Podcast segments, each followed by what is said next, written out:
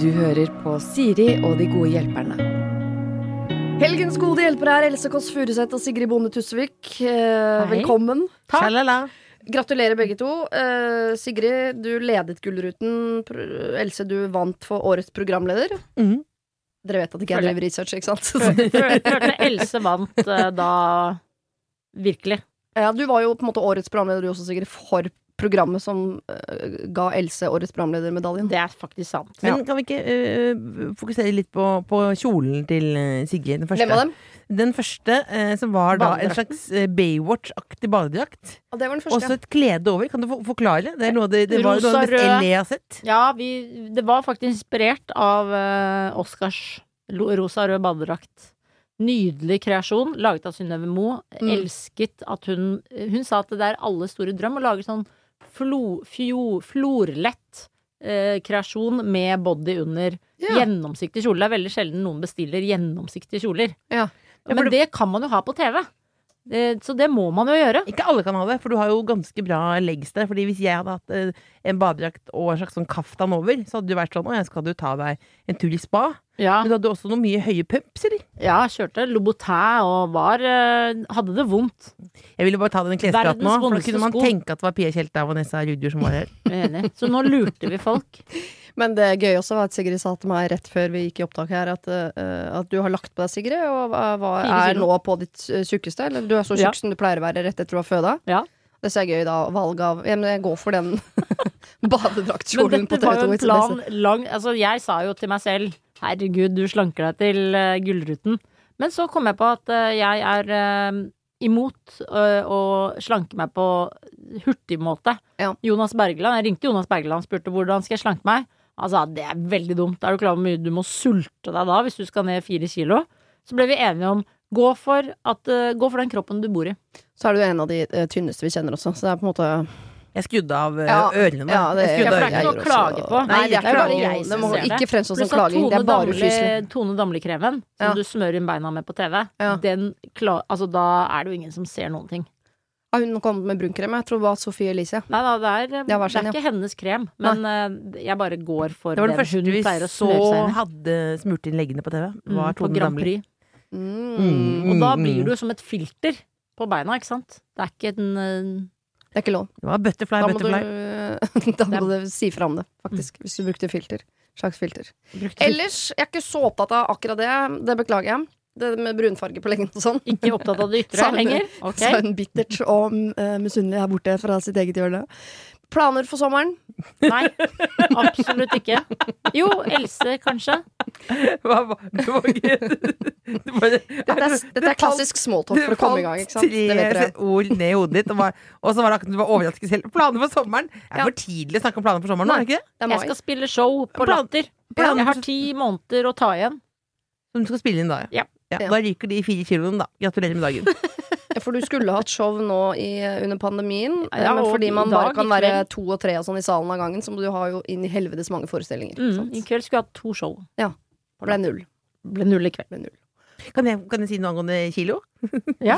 Har det gått opp eller ned? Nei, det var bare Jeg gikk forbi eh, Gikk med en, en venn, en venn som dere kjenner. Eh, ikke kjent venn. Vegard heter han. Ja. Jeg gikk i butikken, og så plutselig så jeg et Her og Nå-blad, og så tenkte, sa jeg wow! Jeg er på forsiden av Her og Nå! Jeg visste det ikke!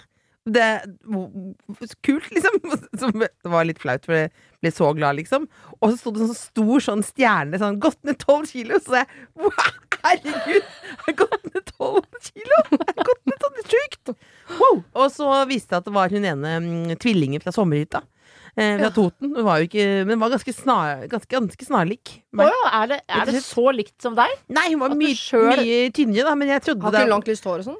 Ja, ja, det var ikke så veldig likt. Men, nei, også, men det var bare både at jeg trodde Gleden over at du var der eh, på bladet, og gleden over at man plutselig var tynn uten at man visste om det. Ja, og i. så var det også eh, den gleden bare over å se seg sjøl. Så var det flaut. Det er mange som ikke vet det om kjendiser, men vi må jo da veie oss hos her og nå en gang i uka. ja. full Ja, BMI-sjekk. Alt, alt under ti er ikke noe sak. Nei. Nei. Det har jeg hørt. De er veldig sjarmerende, de tvillingene i sommerhytta også. Bare for å benytte veldig, anledningen til å si det. Herregud, for en gjeng. Ja, er, det, er det dine nye Vita Wanda? Nei, jeg har aldri truffet dem. Jeg har bare sett dem som TV-seer. Jeg har jo blitt en uh, lineær eh, TV-seer siste året. Ja. Elsker det. Er Elsker det det, altså så mye. Dere, vi skal ikke snakke så mye om oss selv. Er det Det er, det, er, si, det er rom for det. Jeg vet at det er enkelte rom her som er er glad i det. Uh, men da må man bare finne eget rom og egne muligheter til å snakke om seg selv. For det skal i utgangspunktet dreie seg om andre. Ja. Uh, her står det. Hei, uh, Siri og dine gode hjelpere. Jeg har en nydelig, varm, god og fin farmor. Men hun har de siste årene blitt en tydelig eldre dame som surrer litt mer og har opplevd noen fall både i hagen og i huset der hun bor. Når hun faller, kommer hun seg ikke opp på egen hånd, og en gang ble hun liggende kald og våt i hagen og rope til en nabo kom og hjalp henne. Hun bor ikke i samme by som verken meg, mine søsken eller våre foreldre. Alle hennes nærmeste bor minst to timer reisevei unna. Men hun har noen gode naboer, og blant annet en søster som bor litt nærmere. Men ingen kan være der ofte og hjelpe henne med småting. Sist jeg og samboeren min var på besøk, fortalte hun at hun gruer seg til å gå ned i kjelleren, det er der hun har både vaskemaskin og fryseboks. Vi har søkt om trygghetsalarm for å kunne sørge for at hun har muligheten til å få hjelp i de akutte situasjonene, men vi eh, rundt ser at hun bør jo ikke bo i det huset lenger. Selv er hun ikke interessert i å flytte, og må bli påminnet de ulike hendelsene og hva hun har sagt om ulemper med huset. Og lurer på, hvordan kan vi overtale henne til å flytte over i en leilighet? Hilsen Mona. Altså her, Dette er kjærlighet og bekymring for en, en som begynner å bli gammel, og den gamle vil på en måte ikke helt innse det. Jeg har akkurat lest en bok om akkurat samme situasjoner. Er det, og akkurat det? Hva slags Ja, bok er det? til barna mine, som heter eh, 'Bestefar og jeg for hund'. Ja. I hemmelighet. Som er eh, Er en barnebok, eller? Hagerup, altså dattera til Hagerup, som Ja. har skrevet. Skreva. Hva, hva, hva, Skreva hva, var, hva var løsningen i boken som ble skrevet? Eh, da blir bestefar plassert i en leilighet, for det var råte i huset. Han er rasende, sint og deprimert. Eh, men Før han flytta, eller etter? Etter at han kommer inn i den leiligheten. Og Ja. det, er, det er faren her, ikke sant. At Mm. farmor kan bli veldig deppa hvis noen andre bestemmer over livet hennes og sier du er for gammel og skral. Hun sier jeg vil dø i dette skrale huset med min skrale helse. Ja. I den kjelleren. Man, eh, hun har jo antageligvis levd et langt liv hvor store deler av det så har hun tatt egne avgjørelser, klart seg sjøl, oppfostra alle de andre. Og den overgangen fra 'nå har jeg passa på dere' til 'nå må dere passe på meg', den er sikkert litt vond. Og i hvert fall hvis du føler at den kommer for tidlig. Jeg tror jeg kunne blitt litt sånn aggressiv hvis folk kom bort til meg og, og sa at de måtte passe på meg, jeg følte at jeg klarte meg selv. Men for å spoile boka, så Ja. får jo da bestefar til slutt en hund.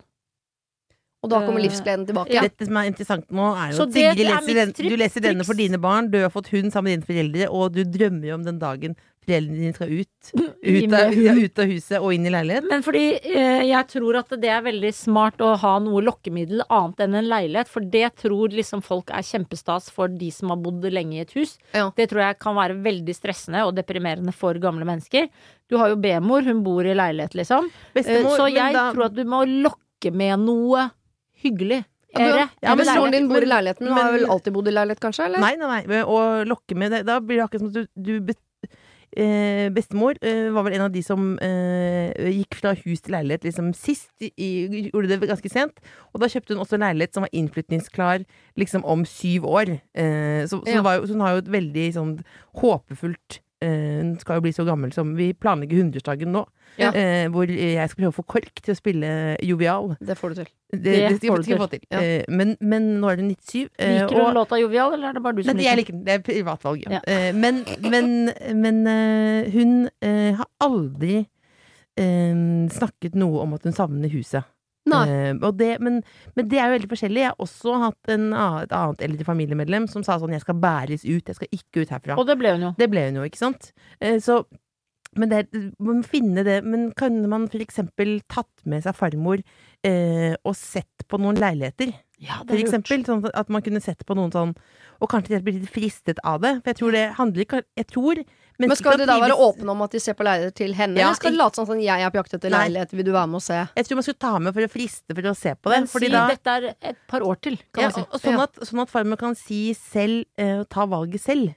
For det, jeg tror det er noe som For det, jeg tror jo at man kan trives og bo ganske mange ulike steder. Ja. Og så tror jeg man må, må hjelpe til, og sånn at flyttingen ikke blir en grusom prosess. Ja, Fordi da må jeg- man ha sette av penger på en liten uh, flyttekonto som farmor slipper å forholde seg til. Ja. Ja, og så er det det der med det der nedskalere ting og sånn. Plutselig så sier B-mor sånn Hvor er den bakebollen? Den bakebollen som jeg fikk i 1942, hvor er den nå? Og da Det, det er Hva gjør dere da? Da eh, sier jeg at den Den, Den, eh, den Den er det vet jeg ikke. Vet jeg ikke. Det kan godt være det er i en av de 100 Kan man ikke bare si den er på hytta? Eh, nei, for da må vi jo man finne bevis. Da må man kjøre ut hytta og finne den. For det er noe med alle de tingene, for vi er en sånn hoarder-aktig familie, da. Ja, Ja, Men jeg, men jeg tror den der med å Men at man liksom ser på det. For hvis man begynner å se på en leilighet og kanskje kan bli fristet av de For de er, kan jo være ganske fine. Og så si at det er noen år til. Ikke sant? Ikke si sånn om et halvt år så syns jeg du skal flytte. Si vet du hva, vi begynner å gå litt på visninger. I tilfelle for eksempel eh, det blir for tungt med den trappa ned til vaskerommet om noen år. Ja, Selv for om det, syv år er jo lenge, men det var jo veldig fint med sånn nå, altså, nå er du jo så frisk og rask på labben, eh, bestemor. Men kanskje nå har det dukket opp et sånt prosjekt hvor de leilighetene er ikke ferdig før om noen år. Utrolig god investering. Der tror jeg du vil trives. Det er på bakkeplan, du kan ha en liten hage, og det er mulighet for noe hekk og noe greier. Eller så kunne man gjort om det Prøvd å gjøre om det huset til en som sånn at man bare bruker deler av det, da. Ja, men det Men er da er hun fortsatt aleine jo langt Det det. unna, ja. Ja, for kan man lokke med kjærlighet også? Så det er ikke så viktig om det er hus eller leilighet eller hva det er. Men sånn, vi vil gjerne at du skal bo nærmere oss, fordi du har alltid hjulpet oss og vært så til stede, vi er så glad i deg, og vi vil gjerne ha deg nærmere. Men det er lettere at du flytter til oss enn at alle vi flytter til deg. ja. For vi kan jo flytte inn til farmor òg, men det er kanskje litt vanskelig hvis man har et eh, liv. To forskjellige søstre med hver sin familie og foreldre. Det er mange som skal bli enige om å flytte.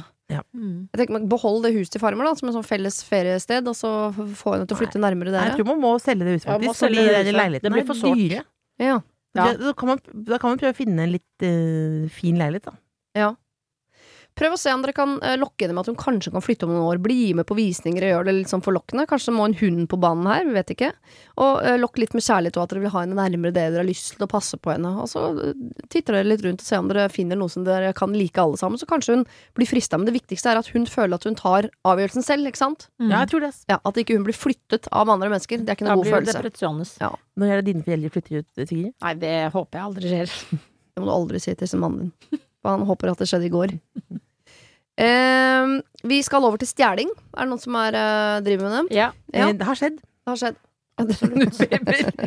Ubekymra. Ja, det, det, Jeg stjeler den dag i dag. Jeg stjal uh, fra NRK nå sist. Penner.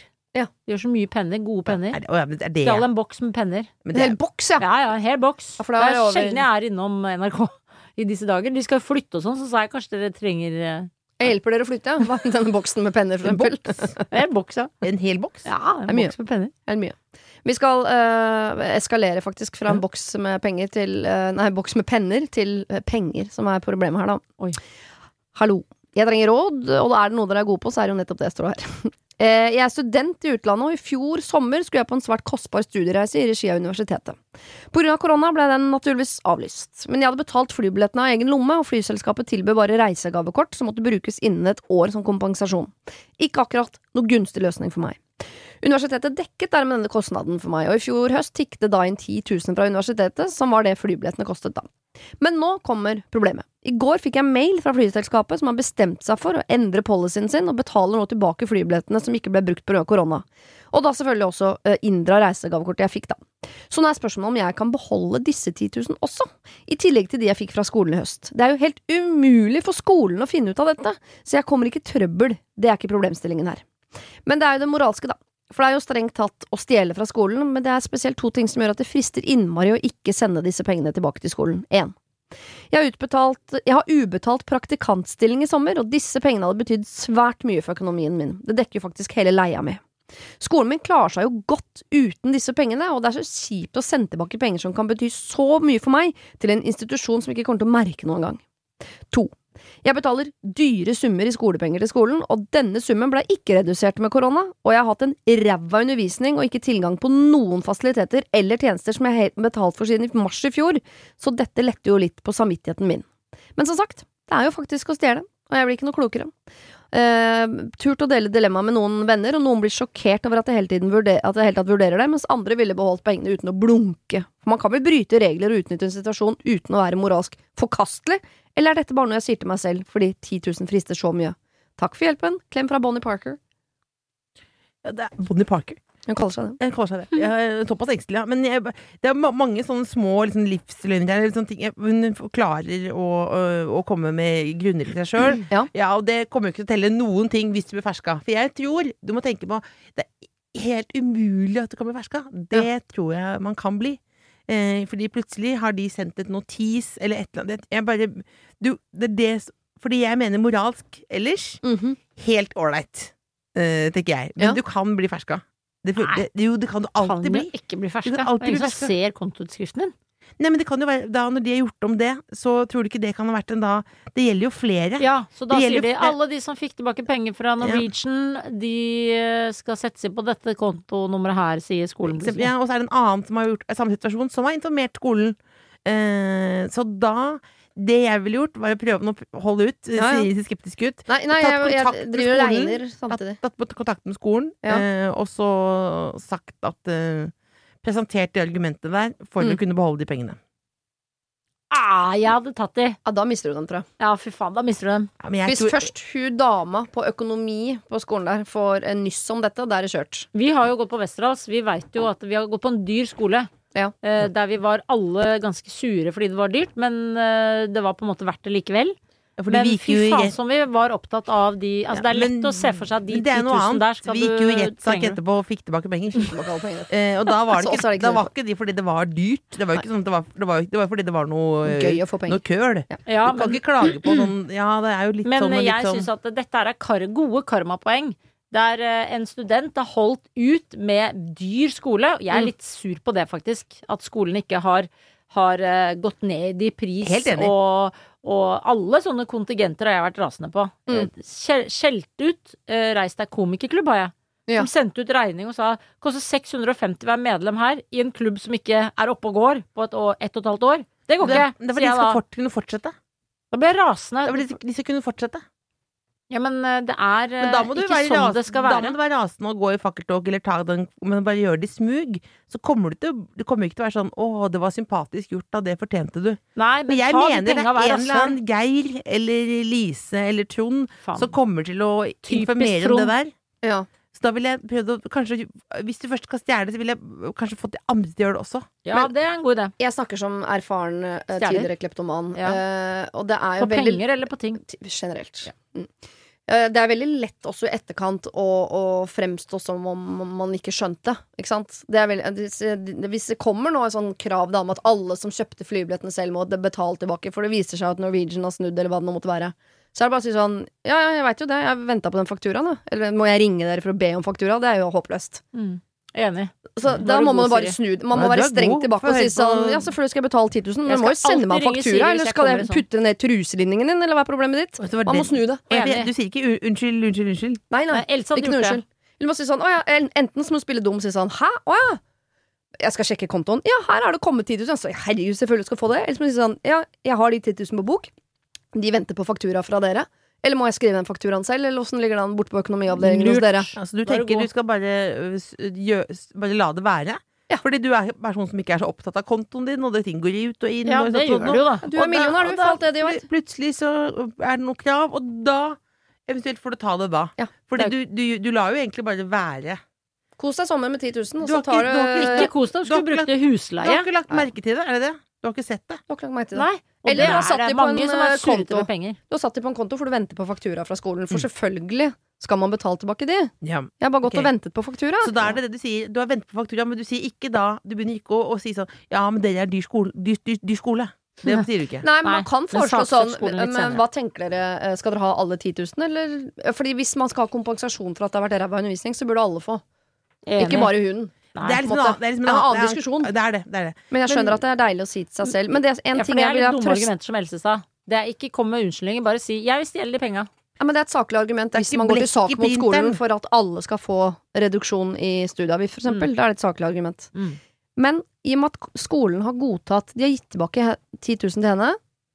Og så har de jo latt henne beholde det der reisegavekortet på 10 000. Ja, så de er jo egentlig helt komfortable med at hun får 10 000, pluss at hun kan reise for 10 000. Ja, for ellers hadde Så du jo er- sagt 'jeg skal ha det reisegavekortet'. Ja, vi skal ha reisegavekortet, ja. Jeg tror de vet om det. du rett.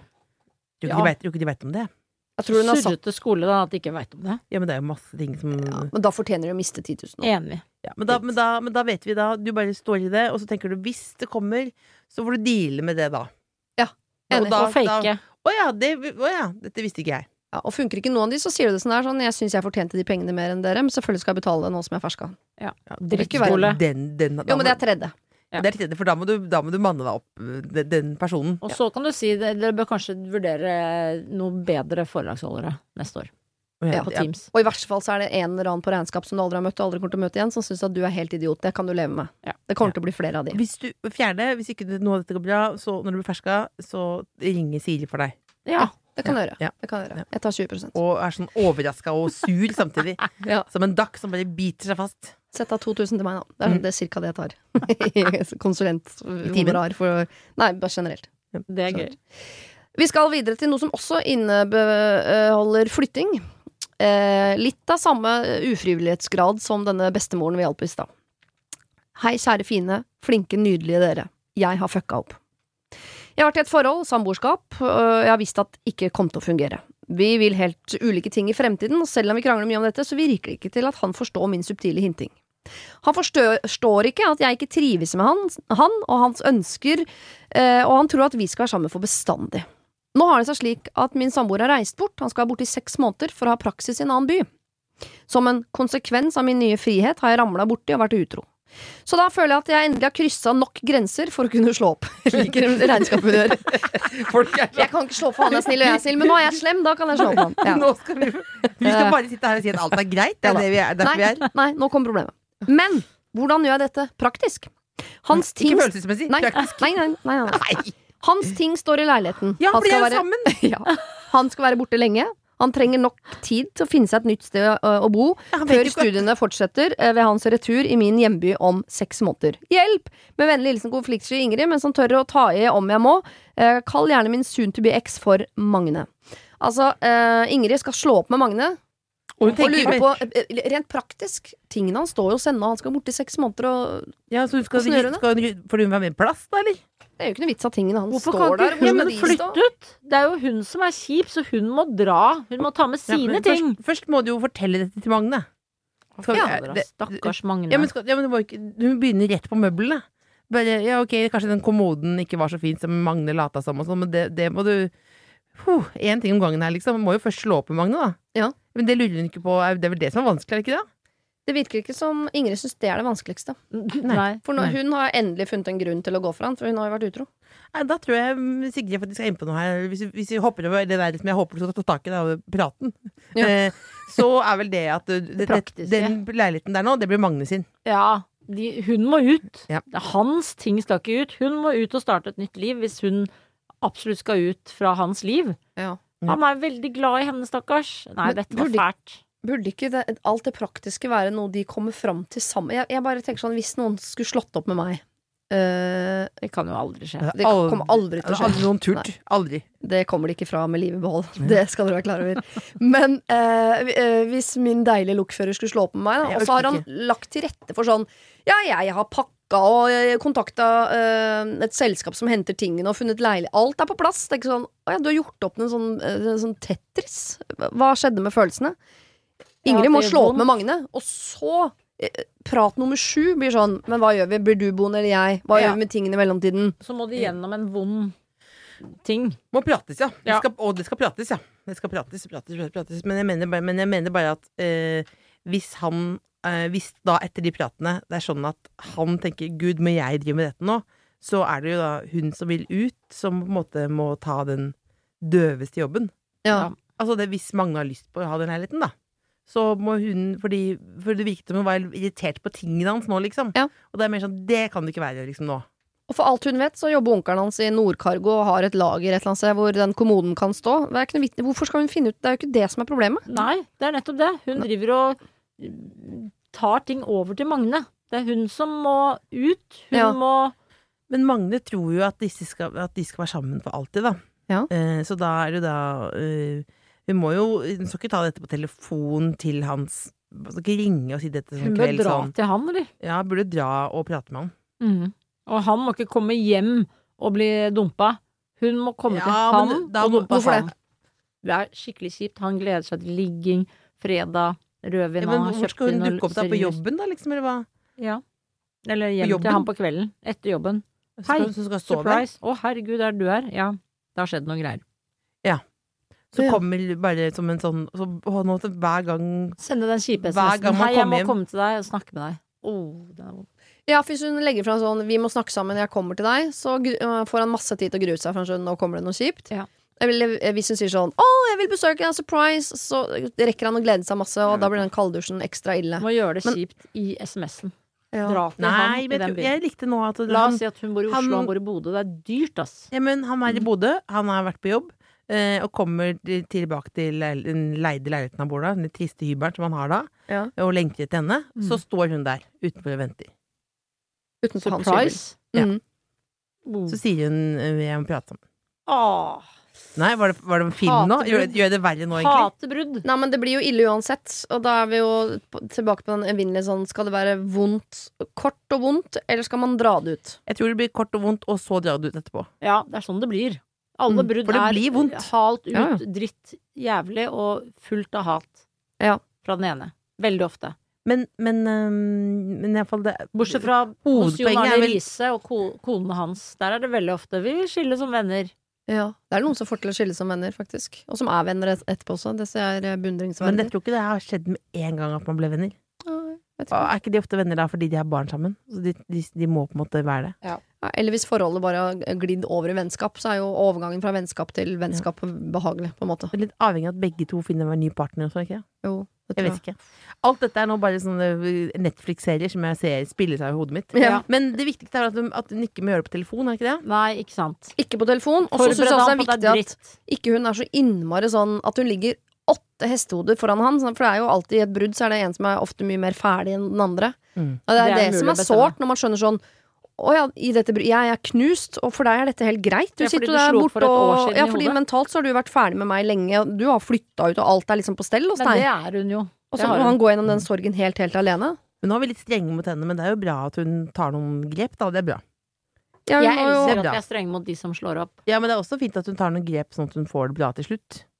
Ja, men hun, hun må bare eh, Jeg bare tenker at hun ikke må gjøre det så tydelig for han at hun på en måte har pakka sekken hans, og Nei, nei. alt, alt det praktiske er på plass. Og det, nå er det bare siste lille låsen på kista, og det er det sånn Vi to er Hun trenger ikke si at hun har vært utro. Bare slå opp. Ja, kanskje. Det er jo ikke nødvendig å fortelle om utroskapet. Ja, for hva, hva, hvorfor skal hun fortelle det? For å få det bedre selv, liksom? Ja, hva er For å poenget med være det? helt fri. Hvis det, hvis det er én Hvis det ramler, Hun har jo ramla utpå vært utro. Hvis det er én person som hun ikke skal eh, Hvis hun skal bli sammen med en person hun har vært utro med, så Mm. må hun si det fra om det.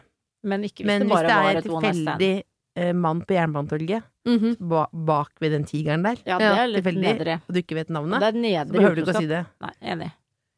Nei. Jeg er enig, men han kommer til å spørre hvorfor har det skjedd noe, hva er det, er det en annen? Da må han hun er bare bare- stå i ljuginga, Ah, da. nei, nei, Ja. nei, det er, hvis hun spør Nei, det kan ikke stå i juginga, kan det? Nei, men du kan jo si det her funker ikke. Det har ikke noe med utroskapen å gjøre. Det funka ikke Det er før. utløsende faktor for at hun gjør det, da. Ja, men det er ikke noe hyggelig for mange å vite. Det er helt unødvendig informasjones. Jeg får en god porsjon ljuging, altså, så lenge man vet hvem man ljuger for. Jo, men hvis hun, hvis hun ljuger for å, å skåne seg sjøl, så er jeg ikke så innmari på heia-siden. Men hvis hun ljuger for å skåne han Det gjør jo bare det bruddet vondere for hans del. Hun hadde jo tenkt å Hun har, grunn, altså, hun har lyst til å gå fra han lenge. Og nå kan hun endelig gjøre det, for hun har kryssa den grensa. Mm. Et rart emosjonelt regnskap i utgangspunktet, syns jeg. Ja, men, Men- da, men da, da er det unødvendig. Ja. Så da, da er målet for samtalen er å ikke snakke om utroskap, og ikke snakke så mye om kommoder. Mm. Og den gitaren til Magne, og den boden, og når den skal tømmes. Ja. Men å prøve å være litt ø, åpen og redelig. Ta heller tak i det du ø, åpnet med innledningsvis, at du har alltid visst at ikke det kommer til å bli dere to, og det har blitt tydeligere for deg nå som dere er fra hverandre. Så har du likt den friheten såpass godt at nå er det helt krystallklart for deg at det er ikke oss to i fremtiden. Og da kan Liseth gjøre det slutt nå, istedenfor at dere skal bruke seks måneder i et avstandsforhold som du ikke vil være i. Mm. Ikke, Men skal hun si at hun alltid har tenkt at hun ikke alltid. Ikke men hun- si det alltid. nei. Nei, for det var litt, det- Hvorfor vi virker så negative nå? at Det var veldig hard, røff, den meldingen der. Uff. Ja, men det snakker jo i, stikkord og Det skal jo bli røft Ja. uansett. Det blir røft. Ja, det blir røft nok, så prøv å være, gjøre det litt hyggelig. Er ikke Ja. det? Hun merker at hun Ok, nå skal jeg være mykere. Jeg går inn i en ny rolle. hun var litt Se på. Ja, Siri, da! det, ja, nå, jeg skal bli mykere. Og hun Så- rista mm. seg snill. Ja. jeg, jeg skulle Jeg skulle ønske jeg savna deg mer enn jeg gjør, men jeg kjenner nå Når du er på avstand, så så gjør det nesten mer vondt at ikke det gjør så vondt som det kanskje burde gjøre. Og da begynner jeg å tenke, er det ikke oss to? Ja, nå er du god. Noterte du Jeg tror det? det er en Emilie Nå spol- nå Nicolas-låt. Nå spoler du tilbake til i denne podkasten, og så noterer du det. Og så har du det på en liten lapp foran deg. Ja, Ja. Post-it-lapp. Ja. Eller på notatet på mobilen. Mm, lurt. Astrid er det som Det er litt dette. kjipt å sitte og se ned i mobilen Mm. og si sånne fine ting. Mm. Men Ja. du skal sende det i SMS, ikke sant? Nei, må si det, ja. Jeg må si Du må det stå muntlig. på ja. døra der, ja. Må Når si det. Det Du reiser til Bodø, står utafor og siterer Astrid S. Hvis han bor i Bodø, da. Hvis han bor i Bodø. Selvfølgelig. Ok, et spørsmål til. Hei, Siri og dine gode hjelpere. Min mann og jeg har fått sønnen vår hjem etter at han er ferdig med førstegangstjenesten. Han er 21 år, oppegående, utadvendt, hyggelig gutt. Men han er veldig lat og er lite interessert i å skaffe seg jobb før han eventuelt skal begynne å studere til høsten. Han har søkt mange studieplasser, men vet foreløpig ikke om, han kommer inn på noen av dem. Han har kjæreste som har skaffet seg 100% jobb etter endt førstegangstjeneste, men det hjelper visst ikke, i forhold til å motivere han da til å finne seg jobb. Problemet mitt er at dette tærer veldig på forholdet mellom meg og min mann. Vi har vært sammen i 30 år, vært gift i 26 av de. Og det blir stadig krangler mellom oss fordi mannen min irriterer seg over unggutten som sover til langt på dag, spiller på PC med gutta boys hele ettermiddagen, kvelden, natten, og bryr seg fint lite om andre ting rundt seg. Vi ser, at, uh, vi ser han kun innimellom når han er oppe på kjøkkenet for å få seg litt mat. Jeg er fornøyd med at han oppfører seg pent, gjør ting når jeg vil eller vi ber han om det, han holder sin del av huset i god stand, han gjør rent, han skifter på senga, han vasker klærne sine osv. Med andre ord, det er aldri nei i hans munn i forhold til å hjelpe til. Mm. Vi har sagt at siden han ikke er interessert i å skaffe seg jobb, så må han i hvert fall betale sin egen mobilregning og trening, og det gjør han, han har jo fått en god sum fra Forsvaret som han nå driver og tærer på. Men mannen min skal absolutt ha dette med at han ikke kommer seg opp om morgenen, ikke gidder å søke jobb osv. ved enhver anledning, gjerne over middagsbordet. Og dette gjør at det alltid er litt dårlig stemning. Og jeg blir kjempelei meg, og sønnen vår blir irritert og går fra bordet. Med andre ord, veldig dårlig stemning i heimen. Sønnen min vet at jeg er på hans side, sikkert ikke så lurt altså, men det gjør så vondt i mamma-hjertet når han får kjeft hele tiden. Hva syns dere, er jeg for snill? Skal han få lov til å fortsette som han gjør, eller bør vi være enda strengere, som mannen min da vil at vi skal være? Jeg vil selvfølgelig ikke kaste han ut av huset, da blir det nok heller mannen min som blir kastet ut, og forhåpentligvis så reiser han av gårde igjen i august for å studere, og så blir han mer voksen og fornuftig etter hvert. Han er jo veldig god gutt på alle plan ellers. Jeg håper dere vil ta tak i problemet mitt, og at dere har noen gode løsninger på lur. Hilsen en dumsnill mor som hater konflikter. Ja, en som Dette er meg om ti år. En som har hatt en konflikt her, kan jo begynne på. Jeg syns jo han høres ut som en ganske eksemplarisk, det der med at, en, at han faktisk eh, At han klarer å betale for noen ting sjøl og, og regjere på sånn. Det, jeg, det tror ikke jeg hadde gjort hvis jeg bodde sånn. Men jeg syns det høres litt rart ut at han skal ha fri eh, halve mai, juni og juli. Han er 21 år. Ja. Det er ikke vanlig. Nei. Det er ikke vanlig. Det, tenker, det var ikke det, Selv om det er vanskelig å få sommerjobb, så kan man ja, men da må du få de rareste du- jobber. Du kan eh, alltid få en dårlig sommerjobb. Enig med du. Det kan du få til. Jeg jeg, jeg syns det er to og en halv måned uten jobb unaturlig. Du kan jobbe med å brette ut kasser på gamlekolonial.no. Altså, det er, det, er, det er mye eh, jobber der som, som kanskje du ikke er eh, Altså, du er overkvalifisert, men du kan likevel ta den jobben. Vi har jo hatt mye drittjobber, alle vi tre. Jeg Eh, elsker sommerjobber. alle mine sommerjobber, ja. Ja, jeg Jo, men det har vært mye gøy man mye ræl vi har gjort. Ja, ja. Liksom, Ja. eh, Jeg satt nede i Nasjonalbiblioteket og kopierte opp noen sider fra noen gamle bøker, liksom, Ja, en ja. hel sommer. Ja. Eh, helt til bibliotekaren sa Du vet at vi kan gjøre det der for deg. Du kan bare si Og da Men jeg var jo da hadde jeg gjorde, det var ikke to en jobb engang, måneder. du bare var på biblioteket, du. jeg, Fikk du betalt, det var, eller? Jeg fikk betalt av et firma, da, som da bibliotekaren sa det er helt unødvendig at du sitter og gjør. Altså, bare gi oss sidetallene, så hent Det er liksom vår oppgave. Han sitter der i uke etter uke, men det var så stort, det Nasjonalbiblioteket, og ingen Ja. som liksom så meg før etter to måneder. Hva er det du driver med? Nei, jeg sitter Kopierer. og kopierer og Nei, det trenger du ikke gjøre. Åtte uker. Det er, det er er du, du, du visste ikke at det fantes Den morsomste sommer... Altså, jeg blir mobbet av mamma, pappa og søsteren ennå, liksom, for den sommerjobben. Ja. Tenk at du ikke liksom Altså, du Men- gikk bare forbi synes det, det, er bibliotekarene. noe, det er irriterende med sånne voksne folk som sitter og snakker om at ja, jeg jobba mye, jeg jobba mye. For Ja, da det man, det er er man jo en annen uh, generasjon plutselig. Jo, men det er lov å mobbe, mobbe folk som ikke jobber. Men jeg tror, ja, fordi selv om du ikke Jeg syns det er rart å ha to og en halv måned fri. Er du, ser du på meg som du er uenig, Siri, men jeg synes det, det er ikke naturlig, det. Ikke når du har vært i militæret og har slappet allerede. Men det eneste, for jeg er jo for sånn man skal studere og man skal jobbe, alle de ting der skal man gjøre. Men nå har han antakeligvis da eh, gått alle disse årene med skolegang som han skal gå. Mm. Og så har han sikkert hatt sommerjobb i en del ferier. Og så rett fra videregående over i førstegangstjenesten, som jo i seg selv er et år Mm. mange andre bruker på å drive dank fordi de skal reise jorda rundt. Ja. Mhm. Eh, så han har jo tatt veldig mange fornuftige valg. Og nå har han jo penger på bok fordi han har vært i militæret, som jeg kan fortelle at er ganske hardt, tror jeg. Ikke si at det er Kompani Lauritzen. Kompani. Og så kommer han hjem, og så vet han at jeg skal begynne å studere i august. Det er tre måneder til. Og det kan jo hende han har snudd på sin krone og sett sånn, vet du hva, jeg klarer å få de militærpengene til å vare helt fram til august. Men da Jeg, jeg tar meg tre måneder. er fri, jo Han det. Han bor jo hjemme, så det er jo ikke reelt at han, at han har da. råd til det. Puss Det er ikke stua, reell- vis faren din at du, at du gidder å gjøre ting. Jeg synes, det, det, sammenligner bare med eget liv. Aldri, kunne aldri fått lov til det der. Jeg bodde jo hjemme til jeg var 24. Det er jo også Eh, Dette her Du bor fortsatt hjemme, Sigrid. Jeg, Jeg bor hjemme nå. Men eh, jeg, jeg er et godt eksempel. Du har med deg kofferten opp! Opp i andre og så er det foreldrene dine som, som, som, er som måker og som raker. Og som Jo, men gjør alt. jeg gjør veldig mye i det huset. Jeg har gjort Ja, hele ja. livet. Ja. Så det er Men du det er bor fortsatt hjemme! Plikten er du må lage maten, vaske opp, ta ut ekstra fra oppvaskmaskinen. Bote på at du gasser deg hjemme. Men og det er jo irriterende. Det, det, hvorfor, hvorfor ikke bare få en eh, jobb, da? Også, det kan være én måneds jobb, liksom. At du Mhm. har jeg, jobb, Ok, jeg har funnet en jobb i juni. Det er jeg helt sikker på at det finnes. Ja, men da tenker jeg kanskje siden øh, øh, sønn og mor er så innmari på partiet her, at istedenfor at øh, sønn og far skal sitte sånn og smånege hver eneste dag over middagsbordet, at mor kan gå ned til han på rommet hans i en litt mer sånn hyggelig situasjon og ta en alvorsprat. For jeg tror at øh, barn, i likhet med en del voksne, meg selv inkludert, hvis det blir for mye mas om jeg, Man lukker ørene, man hører ikke. Så uansett hvor mange ganger man får den beskjeden slengt i trynet over lasagnaen, så er det bare sånn Ja, men jeg, jeg har slutta å høre på de greiene der. Så man må, man må få beskjeden i en annen innpakning, i en annen situasjon. Kanskje fra mor, da, som er på parti. så skjønner jeg at sønnen eh, At det bare oppleves som helt sånn urettferdig, fordi han har jo en perfekt rigg her, liksom. Ja, ja. Det skjønner jeg. Men, men det er bare noe med Skal man eh, Er, som, er ikke lediggang roten til alt vondt, liksom? Jo. Det er ikke Du blir slapp av det. Jo, du men er det, er det bare jeg som er sur på mannen her? Jeg syns ikke dere han mannen er irriterende. Nei, jeg er han mannen, jeg.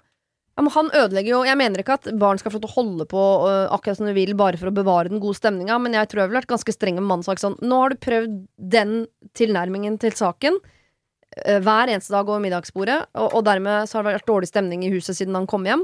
Skulle du prøvd, en annen, skulle du prøvd på et annet tidspunkt med en annen tone, eller? Nei, jeg er veldig fan av at han skal være sur Sigrid på bare stå jo opp og gjøre jobben din. Forkjemper for sur stemning ved Ja, det er jeg faen meg, ass. Jeg Jeg, jeg blir finnes rasende når folk ikke gjør ting. Jeg blir rasende. Jeg kjenner, jeg kjenner meg så igjen i mannen og i jeg, blir, huset. u- jeg blir urolig nå av å høre det, for jeg, så jeg er kanskje ikke mannen Jeg er kanskje ikke i den familien i det hele tatt, men jeg vet bare at eh, Bare få lov til å bo en, Bodde han i kjellerstua, liksom? Han, Ja, det virka som han hadde en egen fløy, i hvert fall avdelingen. Ja, sånn, bare så har en egen, ingen rolle. har en egen fløy, liksom. Da må du handle inn og gjøre masse arbeid. Men altså, hvor, hvor gammel er han? Han er eh, 20 år, har vært i militæret et år, kom hjem, og så skal han, eh, må han betale for han har tatt fra skinke og ostepakka, liksom, ja, i verste jeg kjøleskapet. vet, er late det å barn. Vi må opp det- og, og levere, ha dårlig samvittighet. Tenk, foreldrene mine har altså holdt på med meg i alle disse åra. Nå har jeg Ja. blitt såpass gammel, nå skal jeg faen meg vise dem at jeg, det du, det, jeg er du og jeg duger. Men gi han flere oppgaver hjemme, da, for det er tydelig at han er utrolig pliktoppfyllende. Han gjør jo alt han blir spurt spurt om hjemme. Det, er- det er ikke det som er livet. Du er naturlig at du gjør noe på dagtid. Det er ikke bra å ikke gjøre noe på dagtid. Ja, Man har jo gjort det hele sitt liv fram til nå, skal fortsette med det fra august. Det er tre timer pause. Det er det som er livet. Man kunne jo valgt å, å dra på backpacking i tolv måneder. Det hadde vært mye større problem Jeg, jeg, jeg gikk jo ikke i militæret, sånn som da sønnen her, og du også har, har gjort, i tre uker. Eh, og på en måte har blitt et nytt menneske. Og 'Hei, skal du skal vi finne på til påsken? Henge i hengekøye?' Bare, herlig min natt. Hengekøyetrenden har ingenting med militæret å gjøre. Jo, jo, men der var det at alt var utendørs, Ja og det er liksom Vi står i planken mens vi prater, og det er ikke Herregud, herre min hatt. Men jeg mener, altså jeg tror, jeg, tror, jeg tror bare det der med å ikke å være liksom bare ha masse dager fri, det er ganske deilig, det, men jeg, det, jeg lurer han til å tro at det er sånn det skal være, på en måte. Men han må få lov til å ha noe ferie også. Han kan Nei, ikke ja, ja. jobbe nå eh, 24-7 fram Maks en måned ferie. ja, ok. Ja. Juli fri. Men hvordan skal, de få, hvordan skal de få han til å skjønne det? Er det mor som skal det, eller er det far? For den næringa til far hjelper jo ikke. Moren skal, Mor moren må skal, tusle, moren skal tusle ned der. Eh, når nå har man enten rett før når en står opp, eller sånn på morgenen, og han, når far er ute, kanskje, eh, og så tar du den praten som du Kan foreslo. godt, si, kan godt si far er et rasshøl Ja. Jævlig ivrig. Men dessverre, vi må bare Han har rett i noe. Ja, du må, ikke, du må ikke kaste faren helt under bussen heller. For da Jo, bare gjør det. kommer- nei, nei, nei, jo, men da men det, For det er, det er Altså, hun er jo litt Hun kaller seg sjøl dumsnill, liksom. Og konfliktsky. Ja. Og det, er- det er en klassisk mor som dyrker sønn. Jesus Christ. Hvis hun hadde hatt en datter, hadde hun sagt sånn Kom igjen, da! Vært sur på henne. Ikke driv og dyrk sønnen din. Nei, Det er jeg noterer, Hører du, tenk- Siri? Tenker du på sønnen Ja, jeg, Hører jeg, jeg, jeg, hører det, men jeg vet at jeg kommer til å gjøre det. Ja, Når han blir, faen. så jeg kommer til å, å smøre matpakka hans til han er 35, hvis det er det han trenger. Ja, Jeg fikk smurt matpakke hele Westerdals av pappa. ja ikke sant? Altså, jeg, Ble kjørt til Westerdals, faktisk. Jeg trodde jeg hadde gull i ræva, men det er jo helt sjuke. Jeg husker sånn 18 år, så var det sånn nå, Det var veldig hyggelig å ha deg med på ferie, men nå er du voksen. Nå da kan du var ikke lenger. var ikke jeg med på ferie. Nei. Ikke Jeg ute måtte, ut, i jeg måtte lage middag hver uke fra fjerde klasse. Ja, det er tidlig, ja. Mm, det er tidlig. Alle har sine greier, men jeg syns bare døde. Jeg, jeg syns de må det er moren din som Jeg bare tuller. Visste du det? Den forestillinga har vi sett. Jeg bare tuller. Men eh, jeg synes bare det- det Han virker som en så eh, det. stødig og fin fyr. Så jeg syns bare eh, det er så synd at det, at det skal ødelegge en potensielt veldig koselig familie ved at man skal sitte og krangle hver eneste dag over middagsbordet. Jeg, hadde, jeg tror bare jeg hadde blitt eh, jeg, Det er et stort tema, det er teit å ta opp nå, men jeg tror det er en del skilsmisser rundt om i vårt land. Som egentlig er skilsmisser som er eh, fordi man orker ikke mer krangling rundt det med ungene. Så det er egentlig ikke noe galt med paret. De bare fikk ikke til liksom, det der familiegreiene ordentlig. Mm. Og så må det gå Jeg tror det er ganske mange voksne som er bitre på barna sine fordi de egentlig sier sånn Dere har ødelagt! Ja. Og det er det heldigvis veldig få som gjør. Det skal man heller ikke gjøre. Men jeg tenker, hvis de to nå Hvis de skiller seg fordi hun er så sur på mannen sin fordi mannen er så sur på ungen, så det, det er så unødvendig. Skal hun gå ned og si det, da? Hvis ikke du får deg en jobb, så kommer pappa og jeg til å skille oss. Ja. Ja, Det hadde selvfølgelig vært en trussel som hadde funka, men så er det jo Skal man true med sånt? Det, tror jeg kanskje ikke er så lurt. Altså, det er skjønner- veldig fristende. Jeg er enig med deg, Siv. Jeg skjønner den der at hun er mer glad i ungen enn mannen. Det, det er jeg helt enig med henne i, men det Men har du aldri vært fritsa til å si til barna deres nå hvis ikke dere slutter å krangle nå, så orker ikke mamma å være sammen med pappa lenger, så da flytter jeg et annet sted. Lykke til. Det ligger veldig toneleie hjemme hos oss. Jeg trenger ikke å si det så jeg har ikke sagt det så langt, men det ligger vel Det ligger, Det ligger det, og presser eh, bak i gangen. Men, det men han kommer til å si at ikke de jobbene finnes. Det kommer han til å si. Men da må du bare tenke at eh, det finnes jobber eh, som ekstrahjelp og eh, eh, vaskehjelp, som jeg har vært veldig mye. Det er, får du til. Altså selv Tommy Steine har kunne jobbet på Kiwi. Det er sant. Men han fikk jo komme i VG, da, med Ja, det. det er sant. Men eh, det kan hjelpe han med å skaffe jobb òg, da, sier jeg nå. Faktisk. Skal Se her! Høre litt på jobben. Kanskje de trenger noen på lager i sommer, eller ikke sant. Man kan jo være litt behjelpelig med det. Mm. Ikke sant? Så lett er det ikke å finne seg en jobb. Vet du hva? Eh, Dumsnill eh, mor. Eh, skal vi starte klubb? Lurer jeg på først og fremst. Det eh, høres veldig koselig ut. Eh, jeg skjønner at du blir sur på mannen din. Nå er det litt sånn strengt regime her. Han, eh, guttungen må få seg en eller annen jobb nå. Tenk hvis han ikke begynner å jobbe til høsten, da. Hva, altså, da blir det jo Eller studere. Ja. Så da må du finne et eller annet sammen med han som han kan gjøre, men han må få den beskjeden på en annen måte, på et annet sted. Ikke sånn fly forbanna fra far over lasagnaen. Det funker ikke. Åpenbart. Å, fikk jeg lyst på lasagne. Åh, det er godt. Har du et problem og trenger hjelp, ja, så sender du det til meg. Da bruker du Siri, alfakrøll, radionorge.no. Dere skal få et spørsmål av meg som jeg stilte til uh, forrige helgs hjelper også. uh, som er Dere må bytte liv i en uke, dere to. Ja, det gjør jeg veldig gjerne. eh, men hva gleder dere dere til, og hva gruer dere dere til? Hva gleder og gruer du deg til i en uke som Else Kåss? Jeg gruer meg til Teams-møtene til Else. Ja. Eh, Med redaksjonen på uh, Ja, det virker som NRK har mye møter, og Ja. det er ikke jeg så glad i. Jeg er jo Jeg har oppdaget det når jeg lagde nå Gullruten, at jeg, når du ikke har kollegaer, bortsett fra Lisa Tønne, som jeg da jevnlig overkjører med mine meninger, og avbryter, Mm. eh, både i podkast og i livet sjøl, Mm. så gjør jeg det samme på Teams med en hel redaksjon. Sånn idet noen åpner kjeften, så bare snakker jeg over. Og er ufyselig. Det gruer jeg meg til. over, du er så overrasket at du åpner kjeften og snakker over. Ja, det er jo vet du, måte altså, det er så fælt å møte seg sjøl. Ja, men det er så ja, det er vondt i det de stygt når det er plutselig en hel redaksjon. Men, er det bare, men er det det eneste Det er jo, det er jo ikke livet mitt. Det Jo, men så pusser du opp mye, og jeg gruer meg til å male om stua. Den gjør jo det faen meg hver uke. Så Ja. det gruer jeg meg litt til. Det der å male om. Ja. Konstant oppussingsprosjektet. Du kjenner meg ikke. Jeg driver ikke, jeg er ikke Teams-rom med andre. Jeg er jo helt det råe livet på Bislett. jeg. Det er jo helt hurra meg rundt. Ja, Ja, men da kan vi gå over til det du gleder deg til. Hva gleder du deg til, da? Resten av livet til Else vil jeg ja takk. Alt. Absolutt alt. Det å kose meg, eh, ha venner, gå rett bort til Bogstadveien, kjøpe seg en liten kaffe. Luske tilbake alle de freshe tingene, den leiligheten. Bare ligge der i den dobbeltsenga med McDonald's-skiltet bak og bare sove og kose meg. Ja, Mm. Det gleder jeg meg til. Det gleder du deg til. Og du da, Else, i Sigrid sitt liv? Nei, det blir jo deilig å få en pause fra den der vanlige mal- malinga og de Teams-møtene, selvfølgelig. Men så er det jo, men så er det jo å komme opp til Nordstrand, få utsikt. Flott, Ja. ut, flott utsikt. Eh, Så er det en grill som putrer og går hele tiden. Det grilles, det grilles. Det brennes jo i hjel. Gleder deg til å Ja. sove Grilles. ved siden av Martin Jøndal. Ja, sove i en eh, i, vi- vi- vi Sove over en Dere snuser jo om natta, begge to. Dere kommer til å Det ha det privat så snusing. bra. Det er, ikke, det er Begge privat. to snuser. Jeg snuser ikke i det hele tatt. Men bare at du hører ånden, eller lukter ånden, og hører pusten av et annet menneske ved siden av, Ja. det eh, ser jeg veldig fram til. Du må holde deg fast i veggen når du sier det. Ja, ja, det, det ser jeg fram til. Og så gruer jeg meg til å, å komme på sånn på natten Og så gå ned den lille hemsetrappen deres og så Jeg må skrive kronikk om eh, sykepleiernes vilkår! Ja, er På en ny måte! På nytt Jeg Skal igjen Og på nytt! 13 på nytt, minutter på meg før yngste våkner og skal være leia, din pungrotte! Og så Og så svarer Og så bare Oi, fikk drapstrussel! Ai, ai, ai, ai! Og så kommer jeg Å, mamma lever! Gå ned til mor og far, få en klem, kose der. Søndagsmiddag. Eh, og så har vi nydelige barn. Bikkje. Eh, Hoppeslott. Hopp, oh, har du hoppeslott? Har fått nytt Oh, Gud, jævlig svært sånn Leos lekeland. Har du hoppeslott? Størrelse. Ja, ja. Men da gjør vi det nå vi i dag. ja, ja. Ja, Bare det, komme og det gleder jeg meg til. Ja.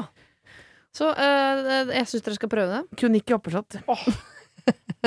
En hel uke. Fy faen, jeg hadde vært så uthvilt. Jeg hadde, altså, jeg hadde ikke skrevet en kronikk i raseri noen gang hvis jeg hadde vært Else Klart du ikke skriver kronikk når man har, har hvilepuls. Nei. man gjør jo ikke det. Det er jo det ingen grunn til å hisse seg opp. Ah, Men skal vi ta det fra i Altså, morgen, jeg skriver er det? bare kronikker når jeg har våkenetter i bånn. ja. Fra i morgen, eller? Mm, fra i morgen. Jeg gleder meg til å følge dere. Fint hvis dere kan livestreame hele opplegget. Bytte liv, ja. Ja. Det er et konsept som er funnet før, men det er jo, der pleier det ofte å være liksom to ulike sånn kulturer og sånn. Dette er jo mer sånn ja, mm. Ja, to nesten like mennesker. To hvite blir- kvinner som pusher 40, 40 Ja, tenk, 50. tenk hvis Martin Jøndal blir bitt av basillen, da. Ah, Bitt, bitt av Elsebass. Oh. Det skal aldri si at Jeg kalte meg selv Elsebass. Det er gøy så blir dere på sikt. Oi, ja, det, hold den tanken, for vi skal inn i, i eh, flørteland. Og der er jo lyst ingen av dere spesielt gode, men uh, vi skal prøve å hjelpe en tredjepart her. Hva sier du nå? At vi ikke er gode på flørting? Jeg er ikke helt oppe og nikker på flørting, uh, mener jeg dere har meg flørte? Nei, nettopp Nei, derfor. Nei, det er sant. Ok, hei står det. Jeg har ikke vært på kontoret mer enn kanskje fem ganger siden koronaen brøt ut, og jeg savner det altså så sårt. Men det kan ikke dere hjelpe meg med. En av tingene jeg savner, er flørtinga med min sjef. Han er ikke toppleder eller noe, men min nærmeste leder, og vi har alltid flørta. I gangene, på møter, på sammenkomster osv. Og, og vi er single begge to, så jeg tror det fort kunne eskalert om vi kom oss til julebordet, om du skjønner hva jeg mener. Men vi er ikke der ennå, øh, og jeg tør heller ikke å be han med meg ut. Vi er begge single, i starten av 30-åra. Så det jeg lurer på er, hvordan kan jeg holde dette på lunk nå gjennom pandemien? Altså, hvordan flørter man på Teams? spør da Susanne. Oi, oi, oi. er ikke det jævlig lett? Glem- er det ikke sånn glemt- chat ved siden Du har glemt at kameraet er på? Boff, boff. Vet ikke hva det betyr. Jeg vet ikke hva det Jo, men da flørter du ikke bare Da flørter du med en gruppe mennesker, for du sa at oi sann, så var jeg toppløs i møtet i dag. Men Hvis du flørter med sjefen, så har du jo flørta mens kollegaene har uh, merka det. Så da, men Det er ikke sånn at du flørter i det skjulte på handikapdassen. det virtuelle rommet er åpent, hvis det heter fortsatt det, ikke sant? Teams-rommet er åpent sånn, og da, Ja. når de andre snakker, så chatter du med han. på siden der? Sender nudes. Uten hode. Uten hode. Nei, men du Nei, det skal man aldri gjøre. Det er jo, det er jo veldig Altså lett å spørre om en ting på SMS, for eksempel. Hadde jeg gjort, da. Eller Messenger, eller, hvor, eller mail, da. Ja, praktiske ting. Ja, også, men praktiske ting med blunkesmilefjes, eh, emojis og, og en sånn tøysete ting på slutten, for eksempel. Det tror jeg hadde funka bra, ikke sant? Jeg lurer på en ting eh, forresten. Ikke sant? På slutten der. En Ja, liten flørtende tone i mail. Ja, for du kan ikke Å, på mail, den er litt uh, formell, syns jeg. Nei da, Men det du, går men du bra. ikke jeg, Først jeg tenkte Først- at jeg sender melding bare sier 'jeg savner flørtinga vår', men da brenner jo, da brenner jo broren, da. Er du gæren i huet, eller? Hvilke Du bror da? ikke skrive Jeg 'jeg savner flørtinga vår'. Hvorfor ikke? Nei, da er alt ødelagt. Det er jo flørtinga! Flørtinga er jo ikke at du skal si 'å, liker flørtinga'. Flørting er er jo flørting. Her er det en er greie, flirting? men ingen sier høyt at det er en greie. Ja, det er jo hele poenget med å flørte. Jo Flørting er jo subtilt, og det er ja, hinting, og med en gang man setter ord på det, så er det. Ødelagt. Er hun sikker på at sjefen uh, mener det er flørting? Fordi jeg har veldig ofte trodd at det har vært flørtende, flørtende tone med meg og mange mennesker. Mm -hmm. uh, senest i går, liksom. Ofte det var flørtende tone her, men da er det ofte bare jeg som flørter. Og så er de bare hyggelige. Ja. Høflige eller noe. Ja. Ja. Nei, Men jeg det tror også at de du- egentlig er med på det, men ingen av dere skal på en måte si «Woo, nå er det flørtende tone her. Da er the magic eh, over. Så egentlig så tror jeg du tar litt feil. Jeg tror at du flørter. Du flørter jo veldig godt, Else. Du er god Hvordan på flørt. flørter jeg da? Nei, du er god på snappy sånn eh, hva da flørter Sånn brorsan-måte. Litt sånn der, eh, Er du ikke enig, Siri? Nei. Hæ? Er du ikke enig at Elsa Else er du- god på å flørte? Jeg syns Else er sånn kjapp i Når hun er helt trygg med en eller annen kollega, flørter på, da Nei, nei, nei, er nei, nei, jeg, jeg tror du, tror du Fordi du er ræva på det sjøl nå. Ja, det er jeg. Både, jeg hører deg og meg snakke engelsk. Yes, very Yes. good speak English. How are you? Thank I you very big great, for that. Great uh, to speak English. Uh, yes, of course. Jeg tenker at du på en måte er god til å flørte fordi du er god til å, å, å være flink med folk. Men du flørter jo med en fyr du er forelska i, på samme måte som du flørter med meg. Så uh, det er helt Ja. umulig å vite hvem du faktisk bare liker og er grei med, og hvem du har lyst til å ligge Ja, med. ikke, nei. og det er jo det magiske med Else. Men dessverre så misforstår veldig mange det med Else, og tenker bare hun er bare alltid hyggelig med absolutt alle. Ja. Og de hun da egentlig Men dette er ikke mitt problem. Nei, det er Nå er snur vi iPhone-kameraet Det er faktisk et problem med deg, men det kan vi ta opp i en- med et annet panel. Og da sender jeg inn på vegne av Else. Jeg flørter med absolutt alle, men veldig mange av de jeg har lyst til å flørte med og få et forhold til videre, de skjønner ikke det, fordi jeg nettopp har flørta med eh, alle andre også rundt. Det er et Nei, dilemma jeg vil gjerne Men ta opp neste lørdag. la oss lørdag. dra dette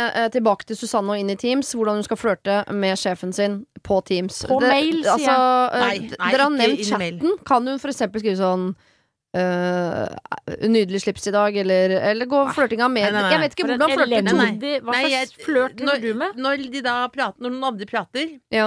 så baksnakker du de på melding. Ja, Hvis det er en sånn flørt jeg har hatt, at vi to, Ja. det er oss to mot resten, så er det det med gjøre. du så stygt slips Knut hadde i dag. Men det blir jo med en gang litt mer formelt når det blir sånn skriftlig og mail og sånn, liksom. Så det beste for den der lille banter på kontoret er jo liksom veldig uforpliktende. Du må Så jo det beste si er hvis sånn du kan ha noe muntlig i Teams-rommet, liksom. Ja, men du må jo også ha en sånn, ikke sant, hvis dere alltid Eller hvis du, hvis du veit at på kontoret er det alltid sånn og sånn og sånn, så skriver du det. Gleder meg til vi skal stå rundt papirgjenvinningen og henge Altså eh, Få det visuelt der hvor dere står og flørter. Det er det jeg prøver å si. Eh, Få flørten inn på det visuelle der hvor det er god stemning. På jobben, ikke sant? der hvor du pleide å flørte med han. Hvis det Ja, ja. var i korridoren eller mot kantina eller dere spiste lunsj. Komme inn på det. Ja, men er vi fortsatt på mail? meg. Ja, vi er på mail, ja, for på faen. mail- gleder meg sitter jo vi ikke i muntlig med hele redaksjonen Nei, men på få- Teams Nei, og, men- og sier 'gleder meg til du og jeg-sjefen skal inn i Finn, finn lunsjsammenheng'. på Det er noe. aggressivt. Det er et og et eller annet problem som du må ta med sjefen. Et eller, eller en praktisk ting, liksom. Og så Så inn flekk, flørt. flekker opp en FaceTime, Ja. det som er helt vanlig å gjøre når du er på hjemmekontor. Du trykker på feil. Eh, nei, men nei, du trykker på Sorry, jeg skulle jeg ringe, bare- men jeg trykka på Nei, jeg bare kjører rett på FaceTime ofte. Bare, det er noen som er irriterende, men det er bare for å se folk, liksom. Ja, ja. Og så prater du om det, og så blir det noe småprat innimellom der, da, og så er det i gang. Enig med du, ass. Game is on! Ja, fordi hun er jo vant til den derre daglige uh, flørtinga som går som på vei ut av et møte, inn i et møte, på vei til kaffen. Ikke sant? Det der som ikke er noe sånn rigga, ikke veldig sånn nå har vi to arrangert å treffes, det er bare vi gikk tilfeldigvis forbi hverandre. Ikke Og da kom det, fyrte jeg en liten kommentar, og du kom et lite blunk og noe greier der.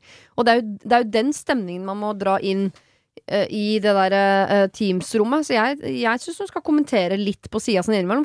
Fortsette en eller annen flørt de hadde på kontoret, Ja. inn der. Det samme sjargongen. Ja. Og så innimellom bare plukke opp og ta en liten FaceTime på sånn småting hun tenker på. Bare for å liksom, som hun sier, holde det på lunk. Ja, Ja, og hva med også å si sånn Du, når eh, det åpner opp nå igjen, hva med at vi planlegger noe fett med folk? Altså på en måte late som du drar inn kollegaene, Men du arrangerer egentlig sånn La, la oss dra på karaoke. Kickoff.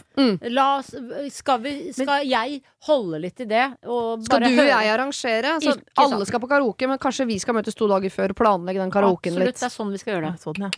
Men, da, men eh, hold, deg unna, hold deg unna mail, for da sitter du og venter på svaret. Så jeg Ikke noe mails, ikke noe nudes. Nei, nei. Nudes kan det er Nei. kanskje litt senere. Veldig rart med nudes. Veldig rart med nudes. Veldig det kan slå nudes. veldig veldig feil ut. Mm. Ja. Og det er der for bestandig, vet du, for det er internett. Det er det, og da får du ikke jobb, eh, sommerjobb. Altså, men, men, men, men, Det er som mamma Er sier. det er ikke det man alltid truer med? Jo. Det er der for bestandig, vet du. Dette, det er samtaler jeg har med barna mine. er det Det er for, derfor for, for bestandig, vet du. Er det det? Mm. Ja, det er bestandig. nakenbilder av deg der ennå. Ja. Nei. For Jo. Du har ikke klart å fjerne de Det nakenbildene det, er- det er noen som fjernet men det er ikke jeg som har gjort det. Det er YouTube sjøl som har fjerna det. Du. Pornhub fjerna min uh, morsmelk eh, jeg, jeg spruta jo morsmelk på Himanshu Gulati. Ja. Så har jo Pornhub fjerna videoer som ikke er lagt ut av deg selv. Ja. Er det lov da? Jeg syns jo det var så artig å være en av Legge Norges største ja, Nei, er det lov å ringe til Pornhub og klage på at de har tatt bort video av deg? Ja, så syns jeg du skal gjøre. Jeg har ikke nummeret til Pornhub, ja, dessverre. Jeg har ikke hatt behovet, men eh, det syns jeg du tar, skal. det- tar det nå, jeg. jeg tar det nå, jeg. Flekker på moben her. Dere, Vi har et uh, samarbeid gående med Mental Helse Ungdom. En som heter Oskar, som jobber der. Han tar noen av sakene fra sin jobb og deler dem med oss. Uh, Ja. Nettopp fordi vi har en felles uh, agenda, faktisk, som er å få, um, å få menn til å tørre å be om hjelp. Så det er utelukkende eh, manneinnsendte problemer til Mental Helse Ungdom som vi viderefører her hos oss, og her skal dere få ukens. Hallo, Siri og de gode hjelperne. Altså, nå har jeg fått inn et problem. Han skriver følgende. Hei, jeg er en mann, og jeg har et problem.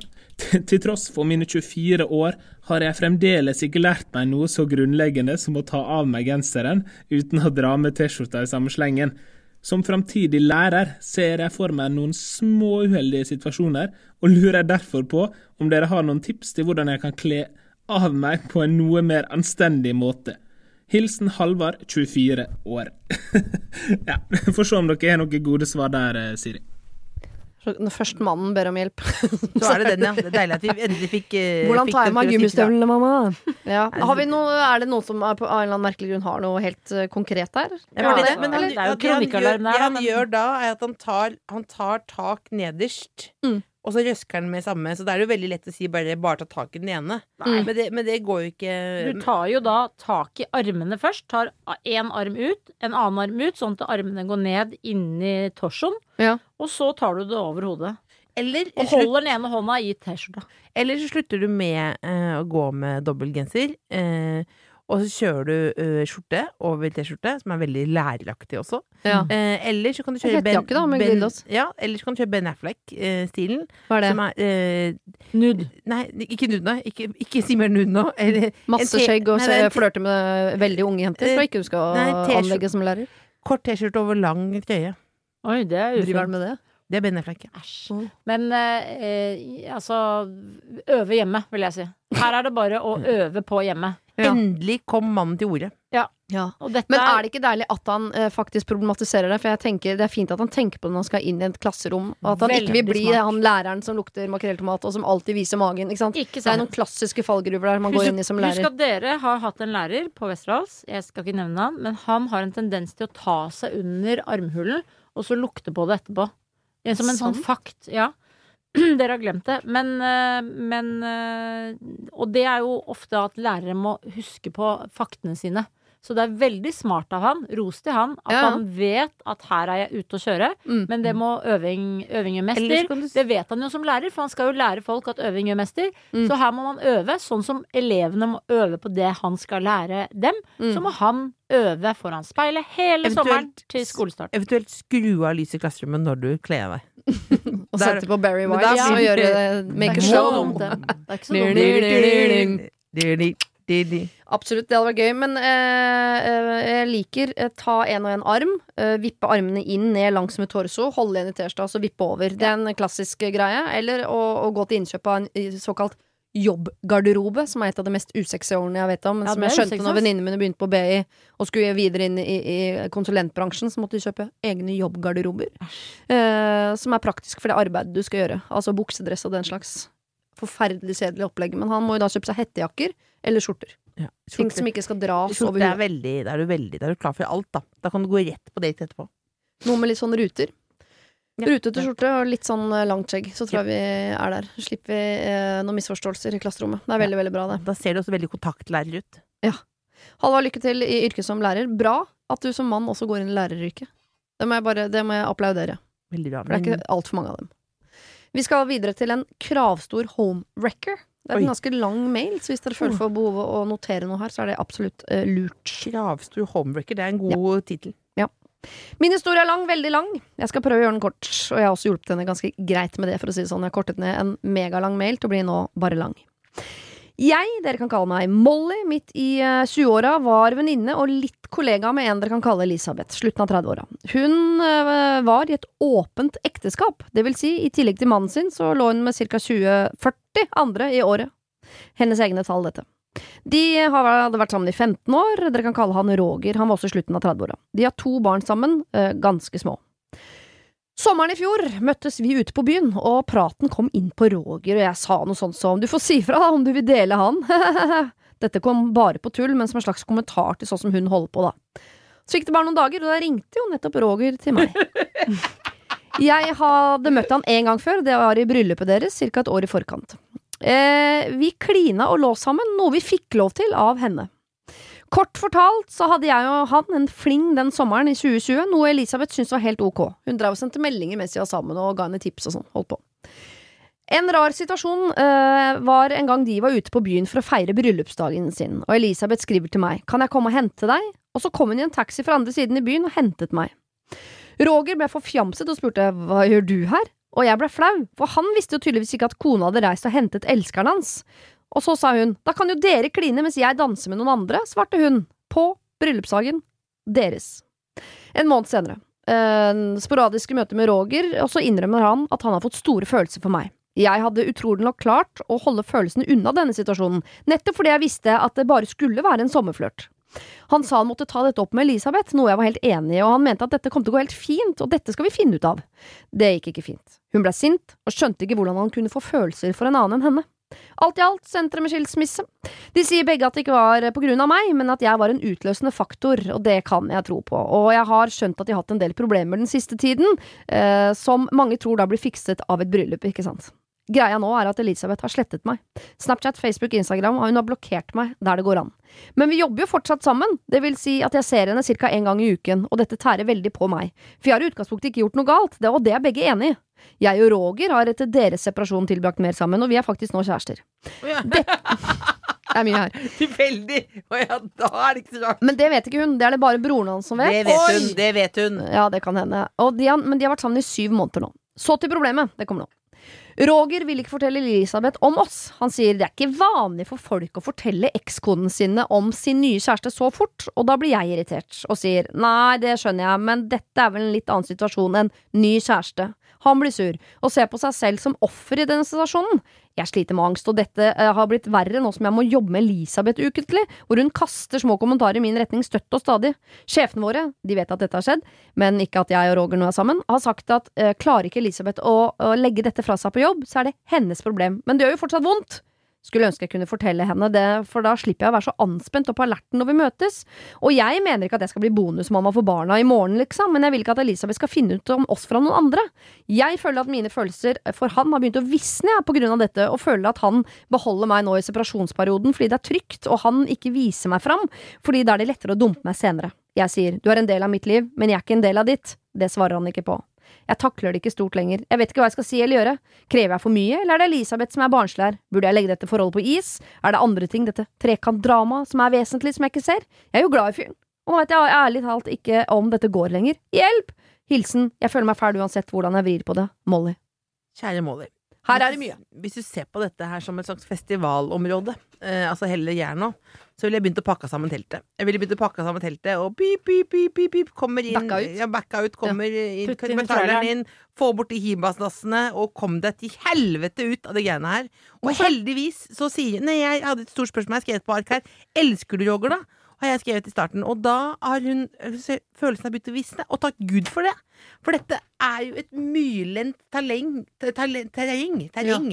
eh, som jeg bare ville bort fra. Det ringer jo noen bjeller og alarmklokker her, fordi Roger har vært sammen i syv måneder. Og da er det faktisk vanlig å fortelle at du har fått deg en kjæreste. Og hun, Molly vet jo, hun har jo slettet alt sammen. Hun vet det. De har felles barn, og Nei, altså Ja, Elisabeth Elisabeth, vet vet, om ja, Elisabeth. Elisabeth vet, vet om Molly. om Molly, fordi broren til Elisabeth vet om Og at. Roger stiller seg i en offerposisjon her, det er det, det er det som er grunnen til at du må ut av det forholdet der. Det, det, det der, det der eh, bare he, Siden hun sier at følelsene har begynt å visne, Ja. bare la de visne. Du ser plantene er på vei til å dø. Mm. Åh, Ikke gi den vann. Men dette er klassisk eh, Norge. Eh, Er det dette med Norge å gjøre? Ja, Er det ikke veldig dette- finsk? Nei, dette er veldig typisk. Å, ja. Små steder i Norge også. Veldig mye utroskap og tullball. Ja. Eh, Så det blir kronglete, ikke sant. Fordi det er jobb, det er, og det er veldig mye hat. Og det er hat for resten av livet. Det må Mhm. hun tåle. Hun må tåle at Elisabeth hater henne. Og jeg tror ikke det hjelper at Molly sier dette til Elisabeth. Eh, altså, ja, det er vondt for Molly å gå og bære på, men eh, det er faktisk Roger og Elisabeth som må ta det. Mm. Molly vil bare lette sin samvittighet med å si 'jeg er sammen med Roger', men det gjør det bare mer eh, vanskelig på jobb, tror jeg. Og det er jævlig ufint av Molly at eh, Elisabeth på en måte skal lide seg gjennom da, som nå er skilt og tydeligvis kanskje litt lei seg, eh, og sier nei da, det har ikke noe med dere å gjøre. Alle ble enige om det. Eh, alle er enige om at det ikke var Molly, men det var utløsende faktor. Saklig. Det var jo selvfølgelig Molly som nå har fucka opp alt. Så det her er eh, La Ja, men det- Elisabeth men det få lov til å være rasende. ingen Og si til de på jobben dette er det jeg. Jeg har stor del av skylden her. Jeg Hva mener du det? innledet N- Når mm, Molly i utgangspunktet da er gift med en mann, men ligger med ca. 40 andre i året, det vil jeg si er ganske massivt. Ja ja, men Eh, eh, så ble Roger keen. Og da når. Roger blir keen ja, det er 52 helger i året. ja. Bare rent logistikkmessig syns jeg det er mye. Jeg syns det er mye å ligge 40 ganger i året generelt, selv om du ligger med ligge den samme mannen, for å være helt ærlig. Han Så ligger i hverdagen, da. Kan ligge i hverdagene, men 40 ligg på et år er mye uansett om det er eh, Ja, men- 41 ulike Jeg tror- La oss partnere si eller at én. Roger også hadde 40 ligg, da. Så sånn sett så Nei, Har dere hatt, eh, og har det dere hatt si, 40 ligg i livet? Hvis jeg klarer å, Ja. å, å smelle igjen brødhølet bitte litt rann et sekund her nå, fordi eh, det klippet jeg ut av mailen. Og det angrer jeg på nå. Jeg har klippet ut masse av mailen, men jeg skjønner at akkurat denne setningen burde jeg kanskje bevart. At han lå ikke med noen andre. Det var bare hun. Men han var med på det. Men han var ikke utøvende i det åpne ekteskapet. Så der hun lå med 40 stykker i året, så lå han bare med henne. Her har du klippet bort en vesentlig detalj. Ja. Jeg er helt enig. og Jeg angrer Ja, så, det- så mine synder. Det på er jo da hun som er Men- den utløsende faktoren, og det er hennes Jo, men Det må Elisabeth også ta på Da- sin kappe. Når hun, hvis, hvis jeg i mitt forhold ligger med 40 menn i året i tillegg til min mann, og så, så ba jeg mannen min om å ligge med en dame, Det- og så blir, får de så blir jeg sur. Men Nei, det, er jo ikke lov. Jeg mener det er mange her som har vært eh, Det, det, vet, det fungerer for veldig mange, men det er mange her som har hatt en ganske sånn naivistisk eh, holdning her. Dette kommer til å gå bra, liksom. Ja. Men det er jo da, i ettertid så er det da eh, eneste kanskje er Elisabeth som er eh, måte den polyamorøse, liksom. Eller Mm, jeg, vet ikke om det det er riktig, jeg vet ikke om det er riktig ord, liksom. Så da burde jo kanskje Molly tenkt eh, annet liksom fare. Det burde vært en liten, oh, en liten alarm i hodet, liksom. ja, Ikke ja, sant? så føler Ja. det. Og det, med, det gjorde de jo også for så vidt det med bryllupsdagen og sånn. Og, sånn, og hun hadde også klart altså, så nå, Men bare, hvis du nå Man kan jo si nei når Elisabeth sier 'jeg kommer og henter deg'. Da er jo hun litt Jo, men Hvis Elisabeth- hele tiden står og applauderer og sier at alt er greit, så må du jo Du Ja. må jo tro på det hun sier. Ja, si Men jeg sånn, men jeg tenker kanskje at du på et eller annet tidspunkt angrer på de tingene du sier. Ja, og så- men, også, men du sa det. Og så hadde jo hun mange andre hva som hun lå med, så jeg tror 40. det- Ja, 40, Men skjedd er skjedd, da. ja, og så er det ikke, det er, men det er, det er ikke din Jeg mener helt alvorlig, det er ikke Molly sin skyld at det ble slutt mellom Elisabeth og Roger. Nei, det er det ikke. Det er det ikke. Nei, men, Men hun må det er tåle at Elisabeth er sur. Det må tåle. Ja, ja, det må tåle. Men det du må kjenne etter nå, Molly, er eh, om du elsker Roger. Mm. Liksom, og, da, det er det, og det er det som er avgjørende. Og, hvis, og så må du prøve ikke å være så lei deg hvis ikke du er det. Fordi dette er Uansett nå, så ø, hvis du elsker Roger, så skal du ha et, være i et forhold med Elisabeth og Roger resten av livet ditt. I forhold til Mm. barn og sånn, da. Mm. Eh, så da må du, men du må bare kjenne ordentlig etter. For det virker som du nå bare, er- at du bare er sånn kidnappet inn. Du bare er litt sånn Å ja, det Det skjedde liksom, det, du har ikke det, noe liksom. ansvar. Jo, du har veldig mye ansvar, og dessverre så har du vært sammen med Roger i sju måneder. Og ja, hvis du er usikker på om Roger bare bruker deg som en sånn eh, eh, komme over-jente, da eh, får du ta den helvetes drittpraten med Roger og bare si 'jeg eh, rører ikke deg før vi er i et ordentlig forhold. Og da må du bare Nydelig. fryse han ut, og også avfølge han på Snap og gjøre det samme som Elisabeth. Og så tester du ut om Roger er hel ved eller ikke. Avfølge Roger på Snap? Ja, avfølg Roger på Snap. Hva er det, tolv 12 år, eller? Ja, jeg vet da faen, jeg har ikke Snap. Avfølge Roger på Snap? Det sett på sånn hundefilter, da. Hver gang du snakker med Roger, så tar du i hvert fall sånn dum tunge. Du rører ikke meg før vi er i et ordentlig forhold. Men jeg syns det er fint der du begynte med det uh, pakkende festivalteltet vi flytter. Fordi altså, uh, Molly har jo ramla inn i et sirkus her, og den kjærligheten uh, skal være ganske sterk for at hun skal orke å ha et forhold gående inni dette sirkuset. Men det kan jo hende at Roger og Elisabeth hadde et forhold som var helt forferdelig. Hun holdt på med Han var jo ikke polyamorøs, det var jo bare hun som var. Så når han møter Molly, som er en annen som er mer på like med han Det kan hende at han falt pladask for Molly, men det tar litt det tar litt tid å pakke ned det der festivalteltet før du uh, mm. går videre, så jeg skjønner jo at på et eller annet tidspunkt så må han ta seg sammen og fortelle sånn 'jeg har fått meg en ny kjæreste'. Mm. Og, Og og det- Men liksom, syv måneder sier er kanskje Molly, ikke så lenge. Sorry, ferdig snakka. Det her, vi tuller ikke mer nå. Nå er det enten serr, seriøst, eller uh, siden de jobber på samme sted, så må han si det til uh, Han må jo det. Må si Ja. Og det er noen Og, barn da, her og, òg. Og, og det, hvis ikke han klarer å ta tak i det, så da elsker han deg ikke høyt nok. Jeg er enig med du, ass. Så det er bare, hvis det er veldig sterk kjærlighet, så skal ordner dette festivalen seg. Hvis ikke, så må du pakke sammen og finne en ny. Krever jeg for mye? Nei. Er det jeg eller Elisabeth som er den barnslige? Det er ingen av oss som er Ingen er spesielt barnslig. Altså, selv om avfølging og sånn er litt Og det, det er ikke Men sånn at Molly ikke har liksom eh, visst at dette kan bli tullball. Det vil jeg bare si. Nei. Det er liksom sånn, Vi bare hadde en sommerflørt. Vel, altså, alle vet at når man driver og ligger sammen veldig mye, så kan en få følelser. absolutt. Så sorry. Det burde man se komme. Burde jeg legge dette forholdet på is? Ja, er jo det korte svaret på det. Er det andre ting i dette trekantdramaet som er vesentlig som jeg ikke ser? Helt, helt sikkert. Jeg er glad i fyren, men nå vet jeg ikke om dette går lenger. Nei, men da eh, tenker jeg at eh, legge på is kan være lurt. Se det litt fra utsiden. eh, Presse på. Mm. Jeg, altså da, hvis, du, hvis du utfordrer Roger og sier 'jeg rører ikke deg før vi er i et ordentlig forhold', så må du være sikker på at du elsker han, da. Ja. Fordi han høres jo litt kut ut også. Så hvis, hvis du truer han på livet, liksom, så må du være sikker på at du faktisk vil ha han. Ja. Så nå tenker jeg at du tar en liten timeout, Mm. eh, kjører eh, 48 timer, tenker deg om. Så kan det hende at du skal uh, rygge litt grann, uh, ut av dette. Få det på avstand. Se Litt sirkuset ja. i fullperspektiv, og, og, og kjenne på om du savner han fyren med popkornmaskin i foajeen der. Det, altså før du går videre. Ja. Jeg er litt misunnelig òg. Du lever, da. Du lever jo noe så til grader, da. Jeg, jeg trodde ikke sånne problemer fantes fantes, Jeg nesten. la meg klokka halv Jeg ni i tror det finnes fins i alle byer og alle små tettsteder. Ikke- Overalt. Jeg tror, du, tror du ser faktisk på landsbygda, på en Overalt. øde øy, overalt. Overalt. Ja. Lenge det er tre mennesker, så skjer det. Gratulerer med å være menneske. Altså, faen, Og jeg skal ikke dømme folk som har åpne forhold i det hele tatt. Det fungerer sikkert fint for mange, men for det det, det, folk det dette funker her er jo en en Jeg syns det aldri funker. Jeg, Jeg aldri hørt om et gode, godt eksempel på at Gå inn noe på VG åpent nå. funker. Det er et eksempel nå. Ja. En plussak. Kjøpt deg plussabonnement, så leser du om det. Har en noen gode eksempler på det, faktisk. Louis Ja. Theroux har møtt masse av de, det funker. Ja. Noen får det det til å funke. Men det er ofte at den ene er mer aktiv. Det Ja, er, jeg mm, føler at Men risikoen er større. Det er klart at Risikoen for at jeg skal falle for andre menn, er større hvis jeg ligger med 40 i året enn hvis jeg ligger med ingen. Det er klart at Ja, ja. Den er eh, 40 ganger så stor, så man leker jo litt mer med det forholdet man har. men har du, har du. Er det da ligget 40 menn mange ganger, eller 40 menn én gang? Jeg, jeg orker ikke tanke på at jeg skal ligge med 40 stykker. Mange har, ligget, kvalm av det. mange har du ligget med cirka i livet? I livet? Ja. Jeg aner ikke. 25. Aner ikke det. Jeg aner ikke. 25, ja. jeg vet selvfølgelig. Jeg har den lista i dagboka. Ligger bakerst. Med navn og karakterer og alt. ja, ja men, ligger der. Mm. Jeg går videre. Vi skal til siste problem, som Ja. handler om penger. Kjære Siri og dine gode hjelpere. På mandag har jeg invitert min søster på brunsj her hos meg i anledning 17. mai. Hun kommer sammen med sine tre barn og sin mann. Vår felles far kommer også. Vi har et ok forhold. Våre menn er ikke omgangsvenner, og barna er veldig ujevne i alder, så vi er ikke mye sammen, men vi prøver å treffes når det passer. Vi treffes stort sett hos oss, eh, eller alltid er vel nærmere sannheten. Det passer nemlig alltid best slik. Det er deres ord. Vi har det ryddigst, da. Vi har bedre plass, osv. Hos dem er det alltid kaos, sier de. Men grunnen til at jeg rydder det her, er jo at vi rydder før de kommer på besøk. Vi har også leker overalt. Vi har også noen halvferdige rom og litt malingsspann som står her og der og minner oss om at vi egentlig ikke er ferdig med oppussinga. Skulle kanskje tro det var de som hadde de minste barna av oss, men sånn er det ikke. Men, men. Jeg liker å styre orden, jeg, så det går bra.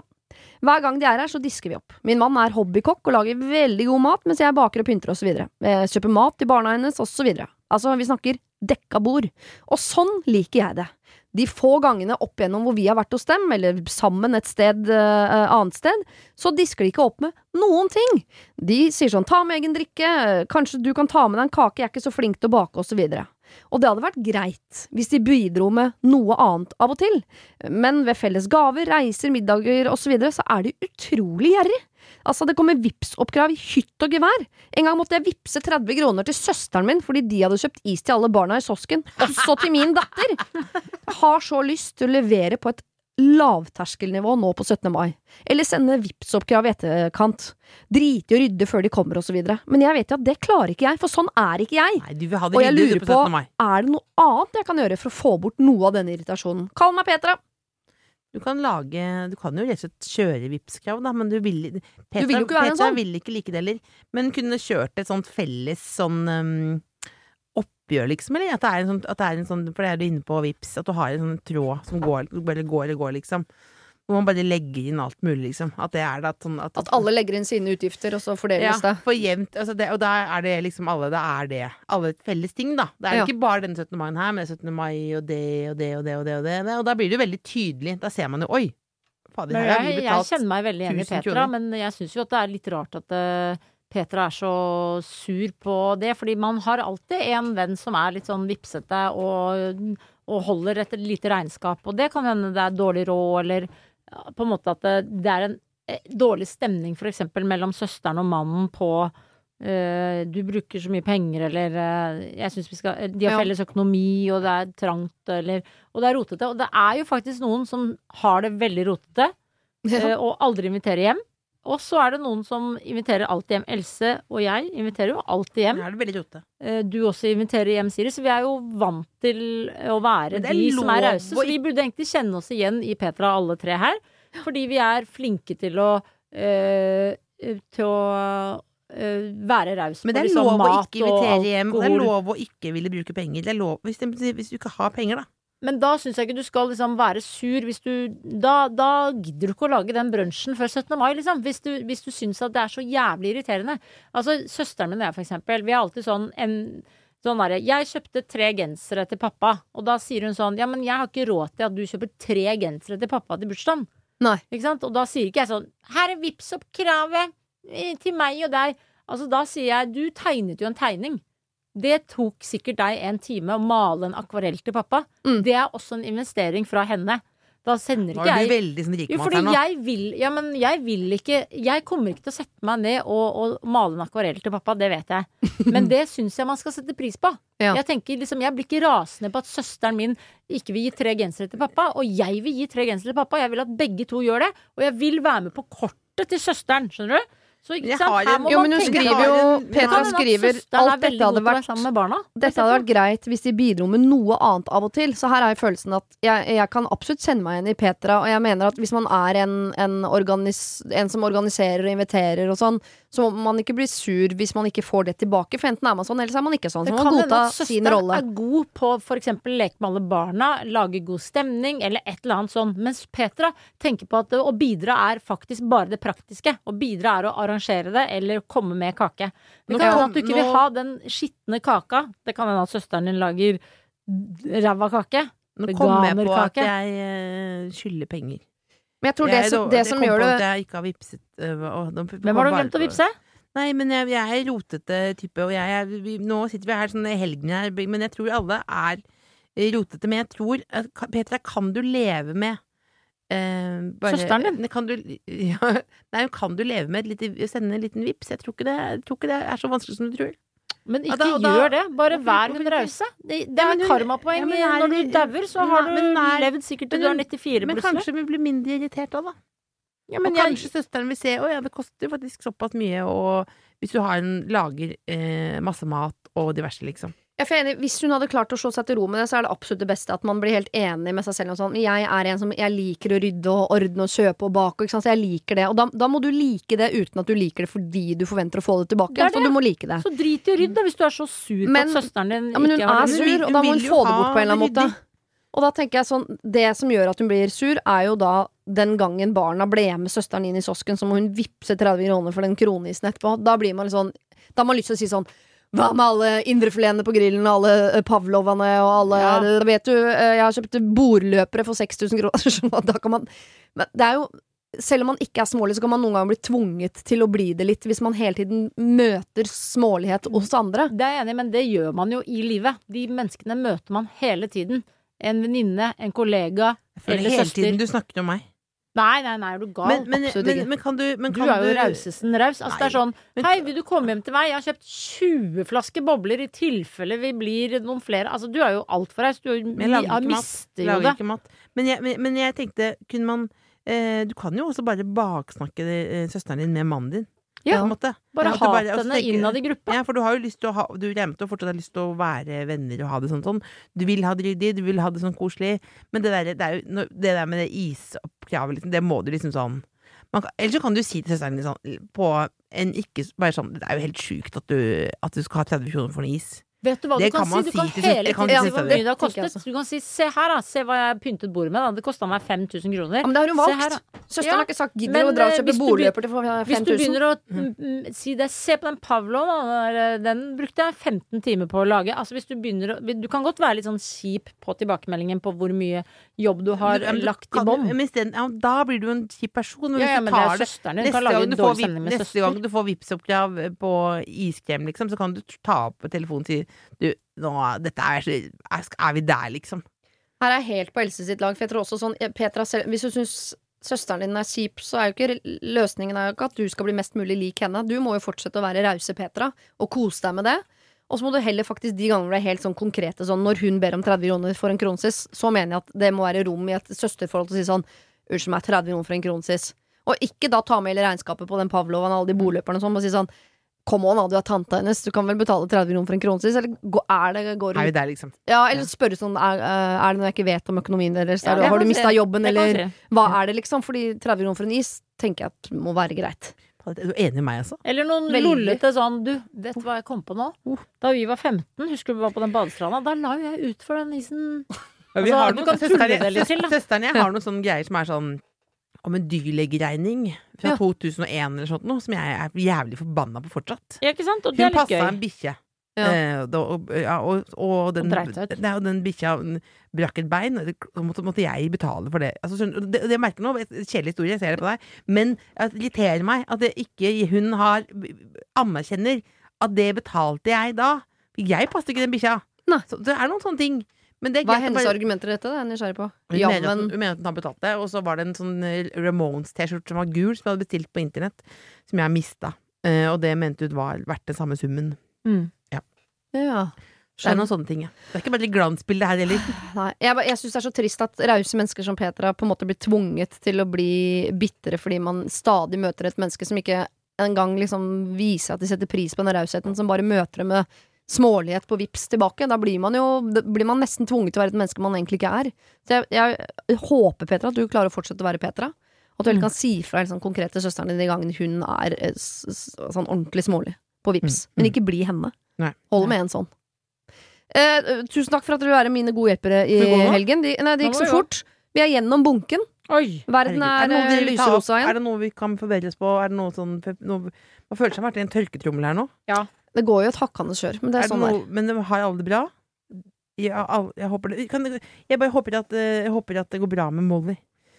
Er det Molly, Molly ja. du er mest bekymra for? Nei, Molly, og så lurer jeg på det der eh, Skal vi se, farmor har sjekket ut leilighet, eh, og så er det det med Det der med stjele penger fra eh, universitetet. Gjør det, gjør det, bare vær overraska. Gjør mer om det. Å, ja.